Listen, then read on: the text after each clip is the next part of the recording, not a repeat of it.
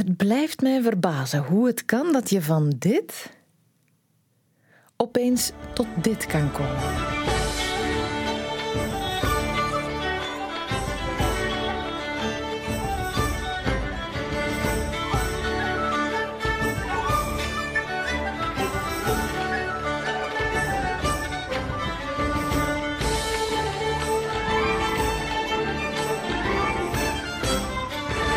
Het blijft mij verbazen, verwonderen, verstommen. En mij niet alleen. Daarom is er deze Soundtrack Maestro, een podcast van Radio 1 en Filmfest Gent. En ik, Annelies Mons, praat in deze podcast met vier van de absolute maestro's van de filmmuziek. En ik heb er zo ook nog een vijfde bij mij altijd, Dirk Brosset. Hallo. Soundtrack Maestro. Een podcast van Radio 1 en Filmfest Gent. Met Annelies Moons en Dirk Brosset. We gaan vandaag praten met Patrick Doyle. Wie is Patrick Doyle? Uh, Patrick Doyle is een uh, Brits uh, componist die ooit uh, de keuze heeft moeten maken: word ik nu acteur of word ik nu componist? Heeft gelukkig voor uh, de muziekwereld toch voor uh, de muziek gekozen, is componist geworden. Heeft een indrukwekkende lijst soundtracks met elkaar gecomponeerd voor de meest uiteenlopende films. Maar hij is vooral bekend geworden door zijn samenwerking met Kenneth Branagh, die ook een goede jeugdvriend van hem was. En ik denk die samenwerking heeft geresulteerd in ja, meer dan 10, 11, 12 films ondertussen denk ik. Uh, Zoals bijvoorbeeld? Murder on the Orient Express, dat is hun laatste samenwerking. Maar ze, ze zijn natuurlijk bekend geworden als uh, duo uh, voor alle grote Shakespeare-onderwerpen die ze verfilmd hebben. Hamlet en, en, en, de allereerste samenwerking was bijvoorbeeld Henry V. Mm -hmm. Ja, dat soort films. Het, het, stukje dat we net hoorden, dat komt uit Brave, animatiefilm met, met een Schotse prinses. Daar gaan we het zeker met hem over hebben. Andere film die hij ook de muziek heeft voorgemaakt is Harry Potter en The Goblet of Fire. De vierde Harry Potter is dat, hè? Ja, dat klopt. Want die allereerste Harry Potter film, dat is met muziek van John Williams, denk ik. Hè? Ja, dat klopt. De allereerste uh, Harry Potter film werd gecomponeerd door uh, John Williams. Dus hij heeft eigenlijk de muzikale taal toch uh, gezet, de toon gezet voor wat de muziek zou, zou worden. En ja, die, dat muzikaal materiaal is dan ook gebruikt in de tweede film, in de derde film. En dan natuurlijk ook de tweede generatie componisten na John Williams hebben dan toch ook in meer of mindere mate rekening moeten houden met het muzikale materiaal en de thema's die er al waren. Ja, ja, ja oké. Okay. Lijkt me heel bijzonder. Hij heeft heel veel verschillende dingen gedaan. Um, heel veel dingen die we kennen, heel veel titels die we kennen, films die we gezien hebben. Ik ben benieuwd wat hij allemaal te vertellen heeft. Dat vooral.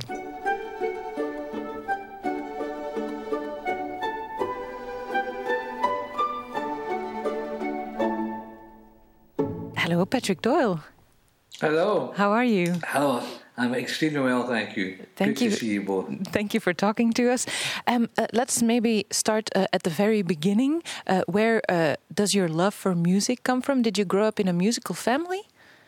Yeah, my family are, are um, really singers by by nature. The, the human the human voice is a predominant aspect of my upbringing. Listening to great singing within my family, relatives, uncles, aunts, nieces, nephews, you know. Uh, so it's it, and it still goes on. Mm-hmm. Um, and the house was full of music, popular music, music from the 30s, 40s, and, and also opera. So, uh, but no instrumentalists in the family. I was, um, I, am the only person who's who eventually played an instrument. They were all singing. It's, it's a singing. So singing is central to my existence, and yeah. the great melodies that I've listened to really have influenced me to this day. Uh, when, when you studied music and then afterwards you started working i think in, in radio and in theater more. How did, mm -hmm. did that path go? How did you uh, start there and end up in, in film music?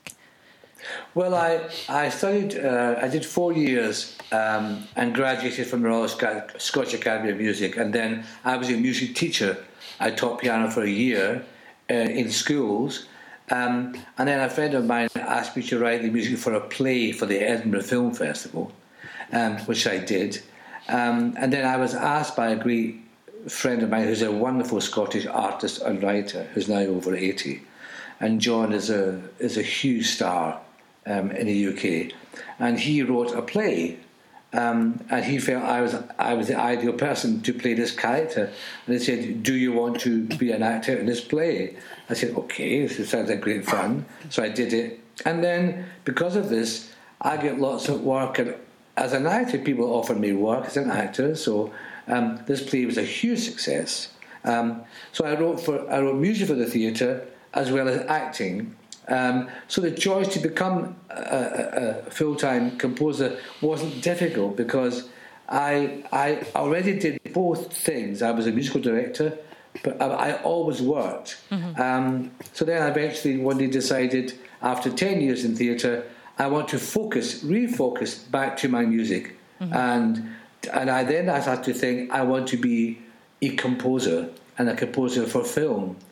And Kenneth Branagh happened to be making the film Henry V. I was working with him at the time, and I asked him if he would audition me. Yeah, I, I, I hear that um, those connections with people, the meeting of certain people, are very important on how you, you on your path. But how important are those collaborations for you? Well, when I met Kenneth Branagh, um, everything changed. He was the, he had created a new theatre company and he asked me to come on board as musical director and performer because it was perfect for a touring production. You have to have people who can multitask. So I did smaller parts, Osric in Hamlet, and uh, you know Amiens, who sang and played um, a small a few lines in As You Like It, for example. So this was a classic uh, troubadour sort of tradition where actor player like the player, actor players in, in, in Hamlet. Um, um, so then he, um, this meeting changed my life uh, forever in terms of film. Um, yeah, I was given the opportunity to write, to compose Henry V, um, and that was it. Which was at once one of your major scores. I mean, it's it's it's just in, in, incredible. Uh, uh, St. Crispin's Day, for example.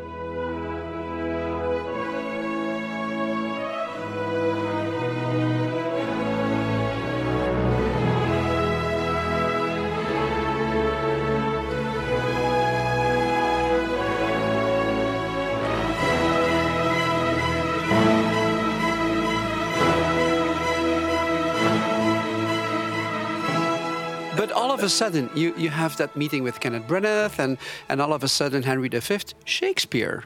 I mean, yeah. one of the greatest writers ever. I mean, this is like your, your first official uh, commission oh. to, to, to write. I mean, how, how do you start, and when did you start?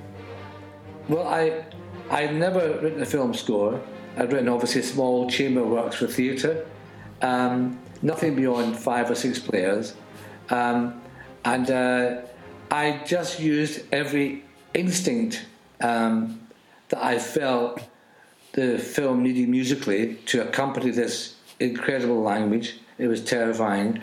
Um, but I'd been watching, obviously, films for years, and I'd, I'd as a passive observer, uh, watched how music and film work together with no real intention of, of doing this myself. So I thought, well, I'll apply my instinct watching other people's work. Obviously, I was subconsciously saying that works. Like that's good music for film. That's poor music for film. So I made obviously um, informed choices as I felt um, for this film. No temp track, but lots and lots of discussion with Ken Kenneth, who's very clear and precise about what he's after in terms of tonal, tone and drama, but also great performances extraordinary writing with incredible music in the writing because these great speeches are, of course, uh, are, are dramatic arias. They are arias. So I, Kenneth Branagh is an incredibly musical actor, and his vocal range is extraordinary. All of these actors have incredible vocal uh, dexterity, using every, they're aware of head voice, uh, chest voice, and, and, and, and lower chest voice um, as, as singers are, opera singers are, they're acutely aware of, of how to speak and bring it down and down below. so Kenneth Branagh is a classic. If you listen to him, he he uses almost falsetto to speak, and, and then to make a point, to be angry, he's losing his his low registers, more vocal cords like a singer. So we happy few we band of brothers. For he today that sheds his blood with me shall be my brother. Be he ne'er so vile, this day shall gentle his condition. And gentlemen in England, now abed, shall think themselves accursed they were not here, and hold their manhood's cheap, whiles any speaks that thought with us upon St. Crispin's Day!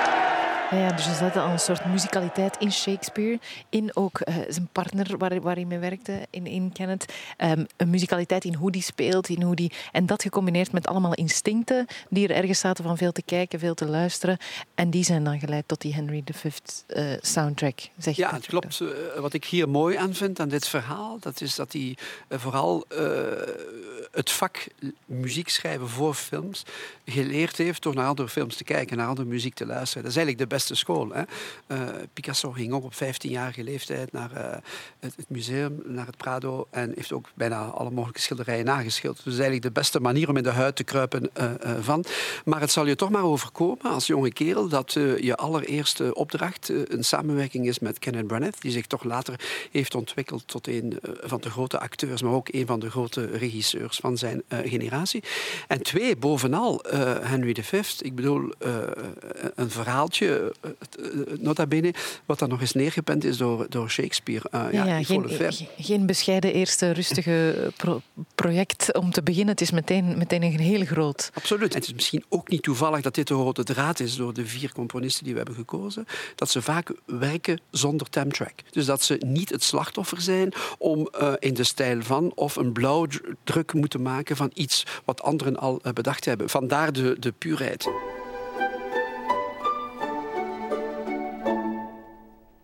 Iets wat ik ook onthoud en wat mij enorm treft, dat is het instinct. Mm -hmm. uh, volgens mij is er maar één soort componist. Dat zijn de mensen die het vanuit een instinct doen. Die eigenlijk niet 100% beseffen wat ze doen en waarom ze het doen, maar puur vanuit, uh, vanuit een instinct. Ja. En dat uh, hoor je ook bij die muziek die, die, die, die geweldig is en die ook uh, nog eens bijzonder goed past bij het, het, het verhaal. En, en zoals Patrick daar juist ook zei, de muzikaliteit van alle, alle, alle teksten. Hè. Ik denk bijvoorbeeld aan, aan de episode met Emma Thompson, maar ook Sir Jacoby.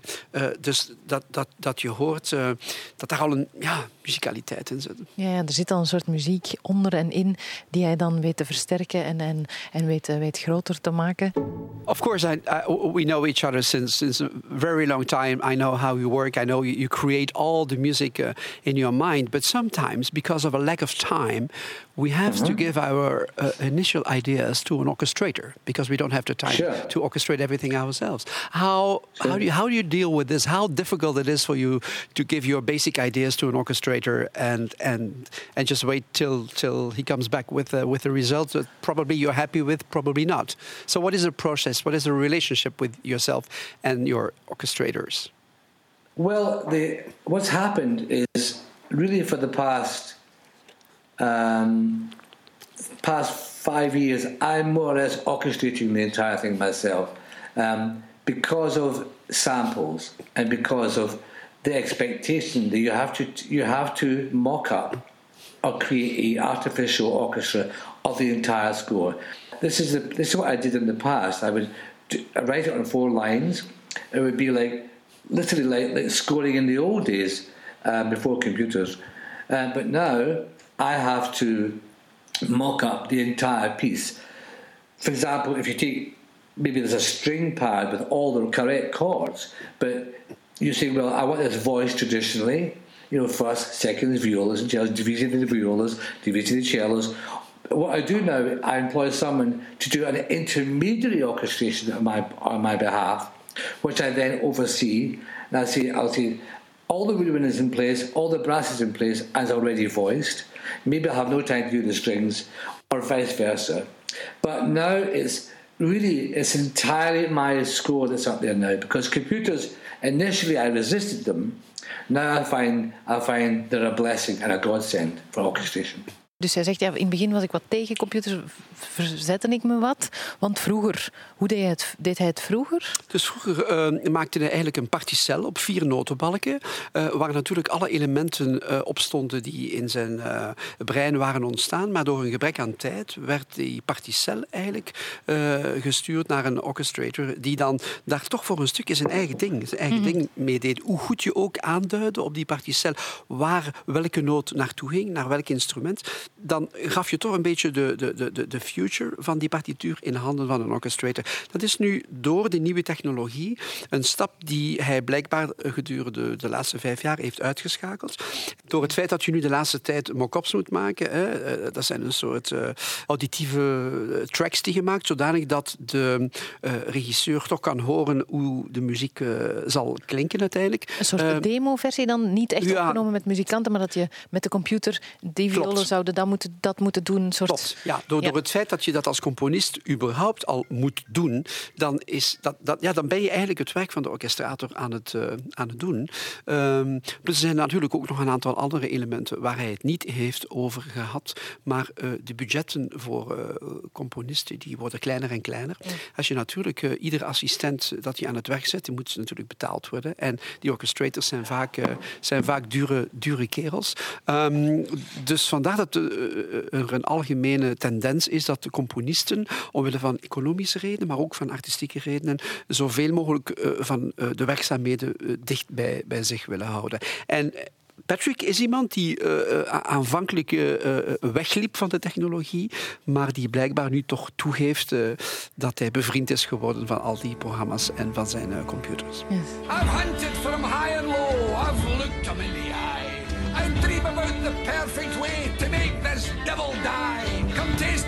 My blade, you manky bear, for gobbling up my leg. I'll hunt you, then I'll skin you, hang your noggin on a peg. Mordu, mordu, mordu, mordu. Een fantastische film die hij ook heeft, waar hij ook de muziek voor heeft geschreven, is Brave, een animatiefilm, Disney-film over een Schotse prinses Um, en dat, dat is ook belangrijk, hè? dat Schotse, dat, maakt die soundtrack ook heel bijzonder. Jij kent die goed, denk ik, hè, die soundtrack? Ik ken die soundtrack goed. Uh, ik heb de allereerste live performance uh, uh, gedaan, dus film met live orchestra. En ja, daar werd je natuurlijk geconfronteerd met de grootheid van die score, maar ook met, met ingewikkelde procedure, want er waren naast de klassieke instrumenten van het symfonieorkest ook een, een hele race van uh, Keltische instrumenten, verschillende soorten doedelzakken, uh, verschillende soorten percussie-instrumenten, die bovendien ook nog eens gespeeld werden door mensen die geen klassieke vorming hadden. Die, die stonden naar een dirigent te kijken zoals een koe naar een trein. Dus ik moest dan uitleggen wat, wat, wat het betekende om, om, om op een dirigent te spelen. Dat was eigenlijk heel, heel moeilijk. Ik heb daar trouwens een heel kleine anekdote over. Een van de allerbeste uh, bodhrán-spelers. De bodhrán, dat is zo een percussie-instrument, een Schots percussie-instrument, uh, wat slechts langs de ene kant een, een vel heeft en wat met een dubbele stok bespeeld wordt. Een van de aller, allerbeste Schotse muzikanten werd ingehuurd, maar die had, die had nooit met een dirigent ge, gewerkt. Dus die speelt zijn eigen Schotse muziek met zijn vrienden. Voor de opname van de originele muziek van Brave had hij een koptelefoon met een click track, dus een piece of cake. En ineens moest hij out of the blue naar een dirigent kijken die dus alleen maar bewegingen aan het maken was. En ik wist niet wie dat was. Ik dacht dat het echt een weggelopen student was van het conservatorium. maar blijkbaar bleek dat een van de autoriteiten te zijn. En letterlijk, die is afgetrapt. Oh. Dus na drie, vier opmerkingen van mijn kant van ja, maar kunt je alsjeblieft uh, in de maat spelen? Die zei van sorry, this is not my, my, my cup of tea. Uh, mm -hmm. uh, zoek iemand anders. En die is gewoon afgetrapt. Zo'n andere manier van werken. En zo'n grote productie met zoveel verschillende soorten mensen, instrumenten. daar valt ongetwijfeld veel over te vertellen. I, I, rose, I rose to this challenge um, and gave it my all because I knew I would be embracing my culture.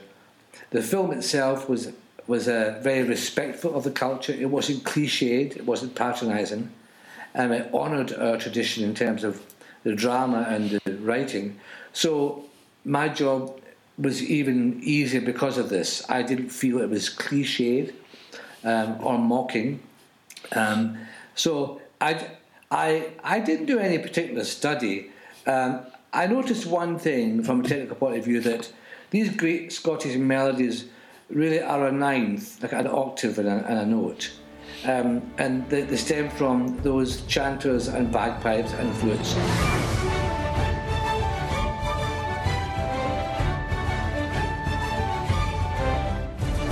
I learned to write melodies within this very tight octave space. That in itself was a new skill.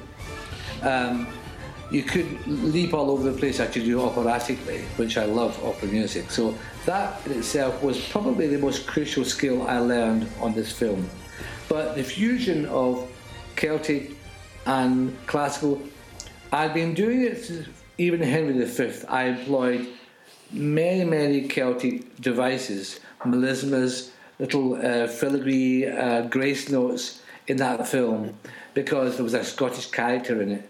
Um, so I did. I didn't. I honestly didn't find it difficult. I found it a very instinctive and natural and hugely enjoyable process. But I loved, in particular, the rhythmic invention that was required because of the, the animation. I find I absolutely adore animation, and I find it an incredible art form.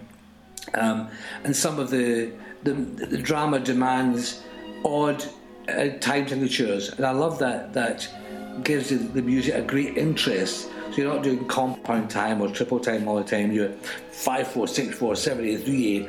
I love the the challenge of these these small bursts. It's a bit like listening to Franz Liszt's great piano concertos. They're, they're flying everywhere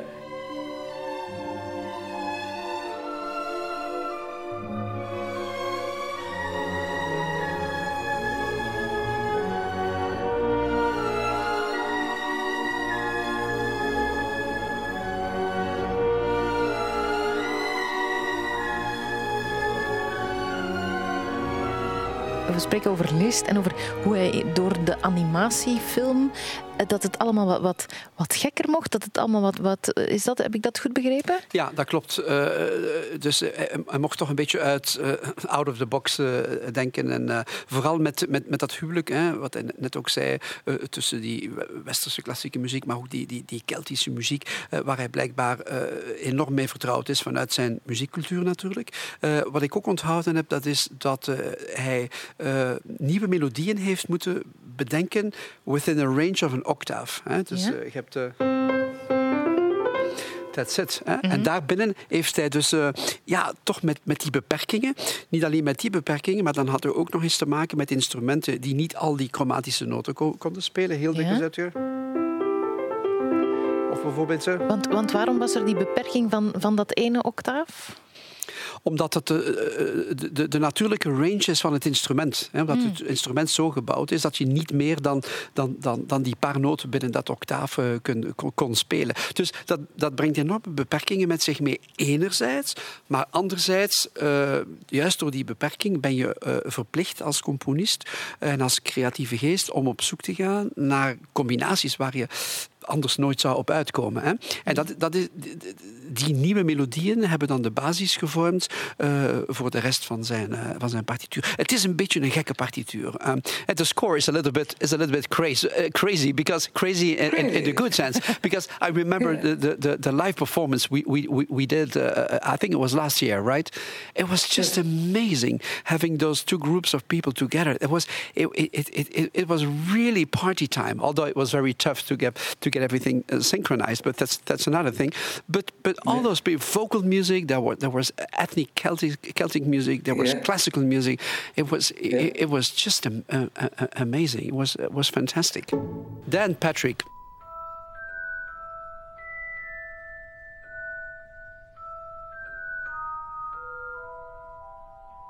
You get that phone call to write the music for the new Harry Potter film, knowing that some uh, well known composers and colleagues uh, did some work uh, uh before. Um, of course, I, I, I, I can imagine uh, you were very excited when you when you got that job. Yes. But uh, were there any any any obligations towards the original musical material, or were you completely free? Well, um, when I was of course, very honoured when I was asked to write the score.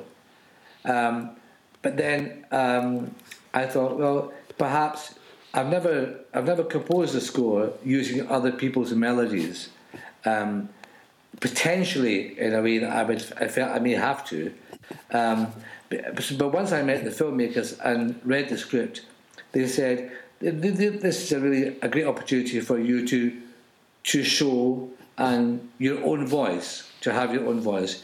Um, uh, the Hedwig theme, which is the, the main theme from from that John Williams wrote for his great scores um, for Harry Potter. Um, this only appears three times, I think, in the entire. It's the Hedwig theme. So, in fact, it's only about 25, 30 seconds worth of music in the end. The rest, there are so many new characters, um, a new emphasis on, on, the dark side of the story. Were, these, these were grown up children now going into through adolescence. There was a love element. All these brand new uh, kaleidoscopic new ideas and colours allowed me some wonderful opportunities uh, to write dramatic music. So it was um, a great opportunity for a fresh approach to the to the uh, franchise. A great honour to follow in John Williams' footsteps, of course. Um, but I I wasn't intimidated by that because I, by that time I was very experienced, and I worked with the director before, Mike Newell, and he's a tough taskmaster, but he's got a great instinct, um, and uh, but also was very open to my adventurous ideas, and gave me a clear palette. There was no temp track to hinder me. Um, but he would say, Can I have this? Can I have that? And he was always right, he was always pushing the bar. So he gave me great freedom. So I was very lucky. This is a huge franchise with great freedom as a, as a composer, and you can ask for no more than that.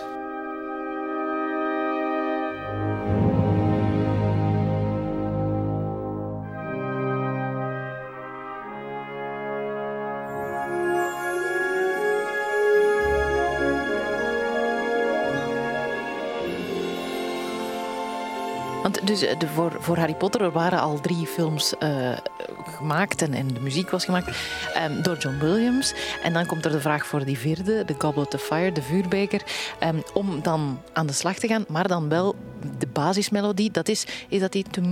Ik, kan dat niet zo goed.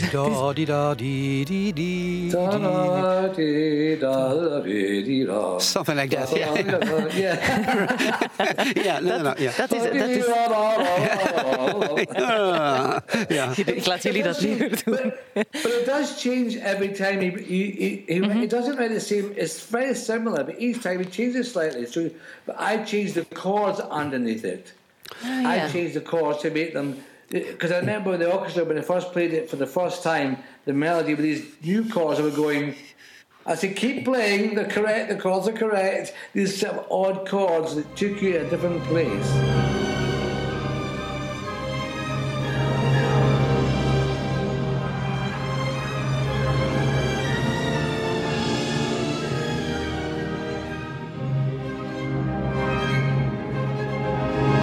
Het is wel de film waar het ook thematisch wat donkerder wordt. De personages zijn wat ouder. Waar het daarvoor nog een beetje whimsical en, en, en toveren is, wordt het wel donker en wordt het moeilijker. En de muziek is mee geëvolueerd dankzij, dankzij Patrick. Ja, dankzij Patrick, maar ook dankzij het feit dat de regisseur uh, die, die artistieke vrijheid aan Patrick heeft gegeven. Hè? Mhm. Dus hier hoor ik andermaal, en het doet mij ook weer onwaarschijnlijk veel plezier, dat er niet werd gewerkt met een uh, zoals dat heel veel Hollywood-componisten werken, uh, maar dat men gewoon aan de componist de, de, de vrijheid geeft om, om mm. zijn ding te doen. Does it happen with big Hollywood productions that you do feel a lot of restrictions and that they that it's more difficult to do to follow your instincts? Oh yes, oh yes, um, absolutely. The, these enormous franchise movies. Um, Kenneth Branagh once said, "When you're asked to do a Marvel film as a director, And he was saying this with the most respect uh, possible, the best respect possible. He said, It's like someone asking you to redesign the McDonald's sign, but don't change it. Hmm. yeah, yeah. So, when you're asked to come in as a composer, come in, I want to bring your voice because we love what you do, but just can you just squeeze in between the cushions that we like You could be a little cushion in the middle, but you should be the same pattern as the other cushions, but you should be stronger even though you're smaller. Does that make sense? It does. Yeah, it absolutely. does make a lot of sense. You have to find your way in there. You, but you have to create a voice, but you have to push and be so strong and push their their boundaries, but keep the McDonald's sign going. But you you accept that kind of work, do you? Well, the, um, yes and no. It depends. It's tough because the emoji movie. This movie was heavily temp tracked, but the director and the producer were open to to, to, to blow the, the the score the temp track away, and it wasn't difficult to to come up with your own fresh original contribution. Um, but with the, with the franchises, it would have to be it have to de- depend on who the director would be. Like, for example, Thor. We both knew we'd be part of a franchise, um, but we both, with broad shoulders, as a team, got in there and created our own voice within the confines of this huge, huge machine. Um, it would have to be with a strong director that both he and the, all the artistic elements got, got enough space and protection to do that before I could say yes.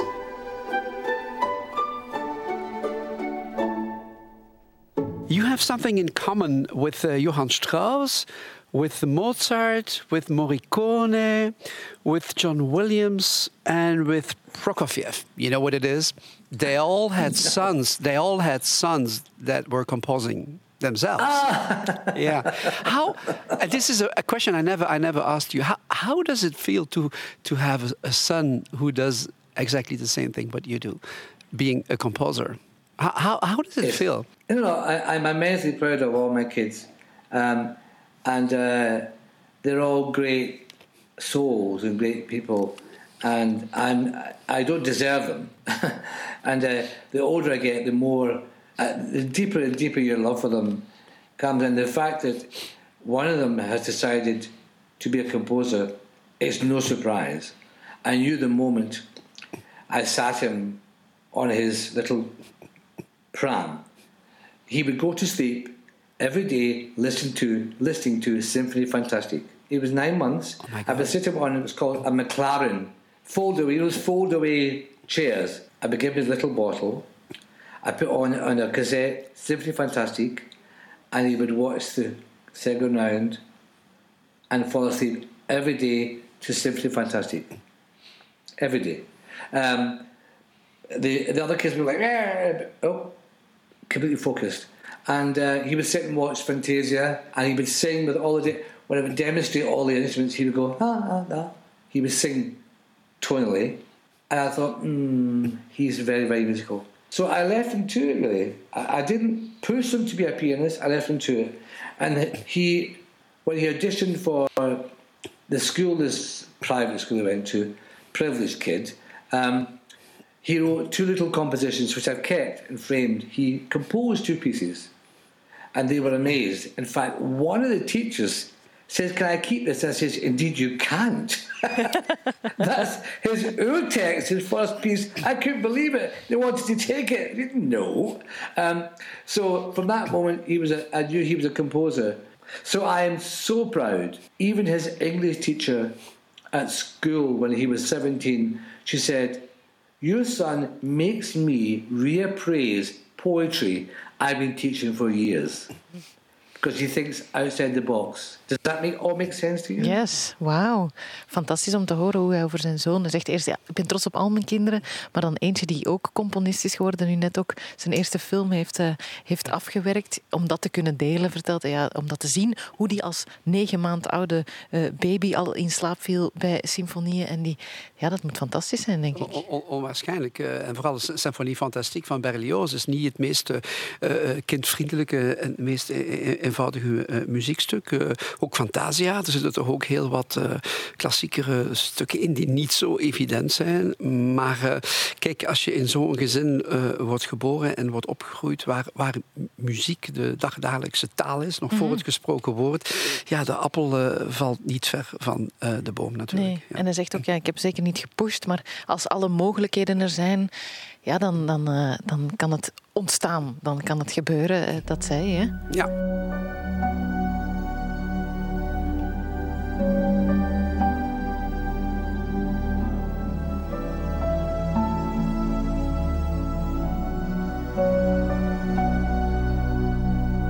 Patrick, as you know, this year we are celebrating 20 years of the World Soundtrack Awards. It's an organization you know very well. You've been a guest. you've, you've, been a guest in 2001 because you were uh, nominated for the Best Original Score of the Year. Then in 2002, you were the Composer of the Year for Gosford Park, and then in 2015, you received the Lifetime Achievement Award. I'm sure you still still remember this. And this year we are celebrating the 20th anniversary anniversary. And we just literally, as I speak, last week, we recorded one of the most beautiful works you have uh, uh, written for a film is Never Forget from, you know, the song, of course, uh, that we did, we did together also with with your, with your daughter. But this time you made an arrangement for piano, cello, and strings. It was so beautiful. Everybody was moved to tears, and I'm I'm I'm I'm anxious to to send you the the recording. It, it, it it's really great. So that was that was a a, a cue you wrote for uh, a great film, Murder on the Orient Express. What are there more Poirot films coming? Uh... Well, I'm doing. I'm doing. Uh, yes, I've just finished the score for Death on the Nile. Um, the film looks fabulous.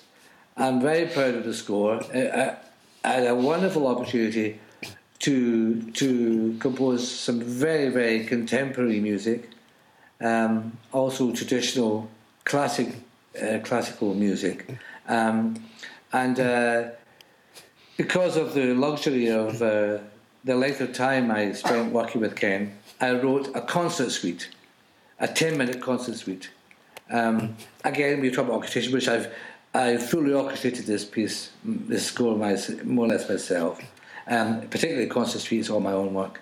Um, and uh, and I thought of conducting it. It's, it's a, a tricky piece because it has some some tempo changes and lots of sort of pauses and legato moments in it. Um, but it, it, really captures encapsulates the entire film, and it, it's a real it was a real opportunity, um, you know, to to have great diversification and in all the melodic lines. There's a lot of chromaticism in it um, because clearly the, the story is very dark, and there's romance, but dark and with romance with a darkness to it. So it's lyrical, but um, also very modern at times, um, and a great story. So beautifully, beautifully directed and acted. So uh, again, Kenneth always seemed to bring out the best in my in my own sort of instinct. He sort of pulls out the best in everyone.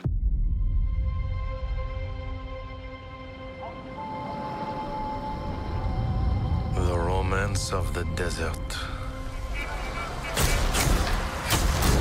The power to seduce.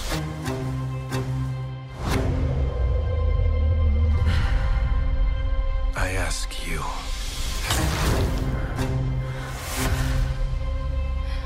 Have you ever loved so much?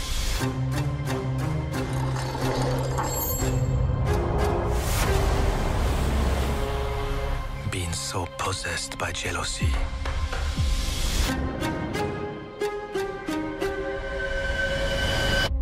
That you might kill. them. Talking about dark moments, you, you unfortunately you had some dark moments in your personal life. You survived leukemia, which mm -hmm. was great. You were healthy and back again, fantastic. But um, yeah. and now I'm, I'm, speaking from the bottom of my heart. One of the most most beautiful moments in my professional career on stage was that um, memorable concert at the Royal Albert Hall with the LSO for the leukemia organization. And there was yeah. one particular moment when you started singing. Yes. Would you do me a favor and sing that again for me? Oh God! Please, Oh, Patrick. um, it's just, just, just between you and me. Give, give us a G. Give us a G. Give us a G. No, no, bis domine, domine. No, no, bis domine. Sed nomini, sed nomini. Toda gloriam.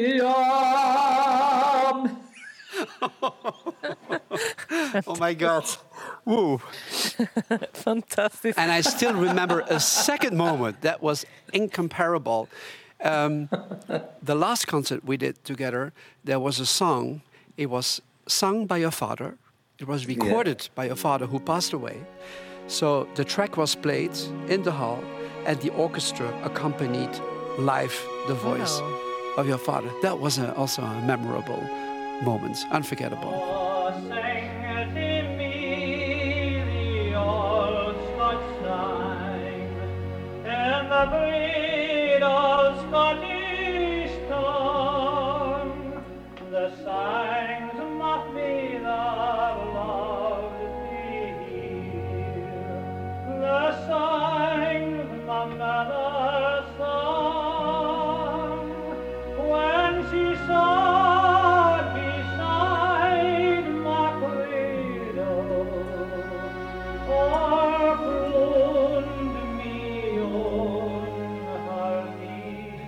Dream come true. It was his dream come true. And sadly, he died one year before this concert. But it was very moving, and every every time I hear it, it's very moving because I remember, I remember him singing it.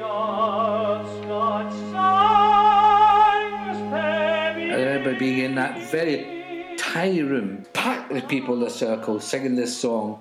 So to hear it with an orchestra, with my own arrangement, it was extremely moving, and uh, uh, it's one of the most amazing memories of my life. And the reaction of the audience was amazing, and the orchestra were crying. All these hard Everybody was crying. The, the violinists in the orchestra, they- everybody was crying. It was Even the like brass your- section. Yeah, it was like your father was in the the brass section, all the brass section, oh, oh, oh my God, because everyone's got a father, you see. Whether you liked your father, you hated your father, you miss your father, your father's alive, your father's dead. Everyone has a father that means one thing or other to them. And you did a, an incredible job. Amazing. Dat is fantastisch om te horen. Hè? Misschien moeten we nog even vertalen. Want eh, dus de, een opname van zijn vader. Heb jij dan live muziek met een live orkest en eh, een, een orchestratie van Patrick. eh, is live uitgevoerd met dan die, die track die opgenomen was van zijn vader. Die Inderdaad, gestorven ja. was En dat was een ongelooflijk eh, emotioneel moment. Het Mhm. was alsof die man... Die man had, uitgekeken naar dat concert. Het was een verjaardagsconcert van eh, Patrick. Maar helaas is hij enkele maanden voordien eh, eh, eh, gestorven. En ja, hij was toch op, op zekere manier was hij toch nog, eh, toch nog aanwezig.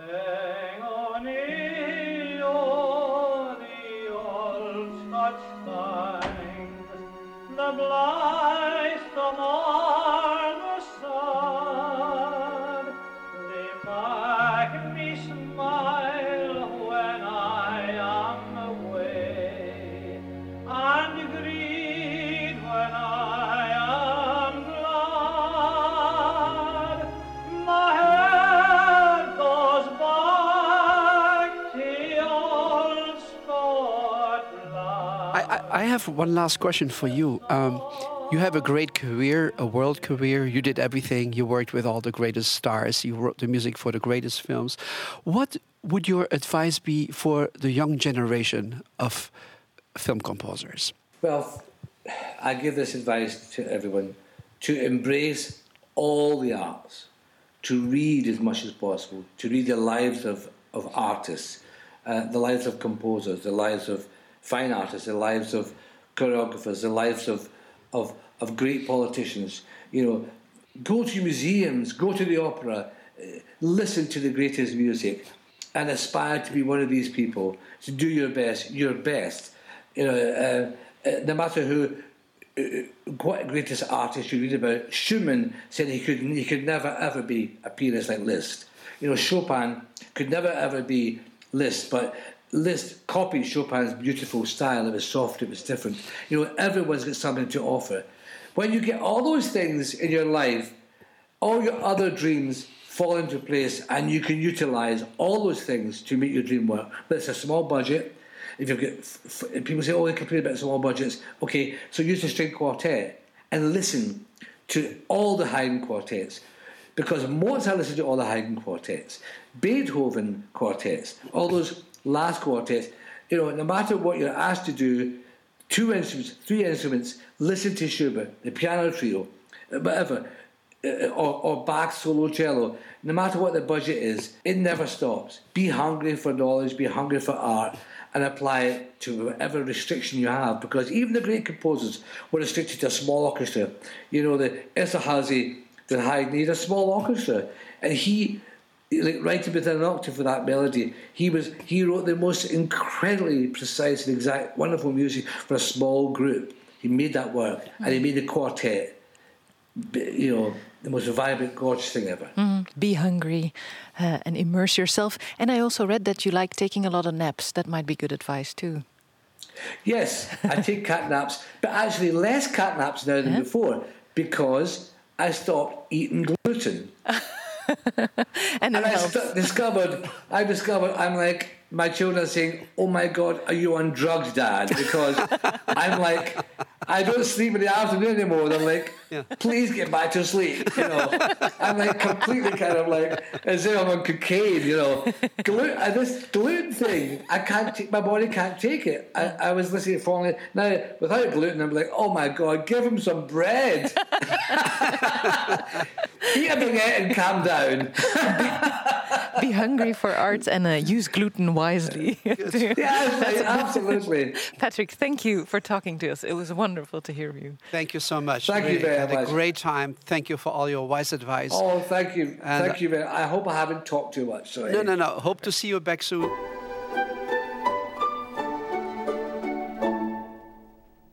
Dit was Soundtrack Maestro, een podcast van Radio 1 en Filmfest Gent met mezelf, Annelies Moons en dirigent-componist Dirk Prossé.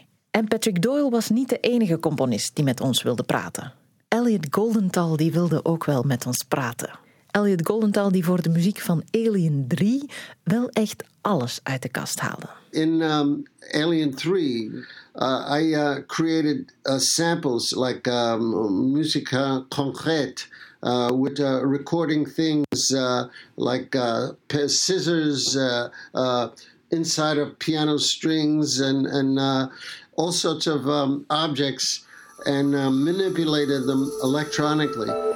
Dit was een podcast van Radio 1. Ontdek nog meer podcasts van Radio 1 in onze app en op radio1.be. Radio 1. Altijd benieuwd.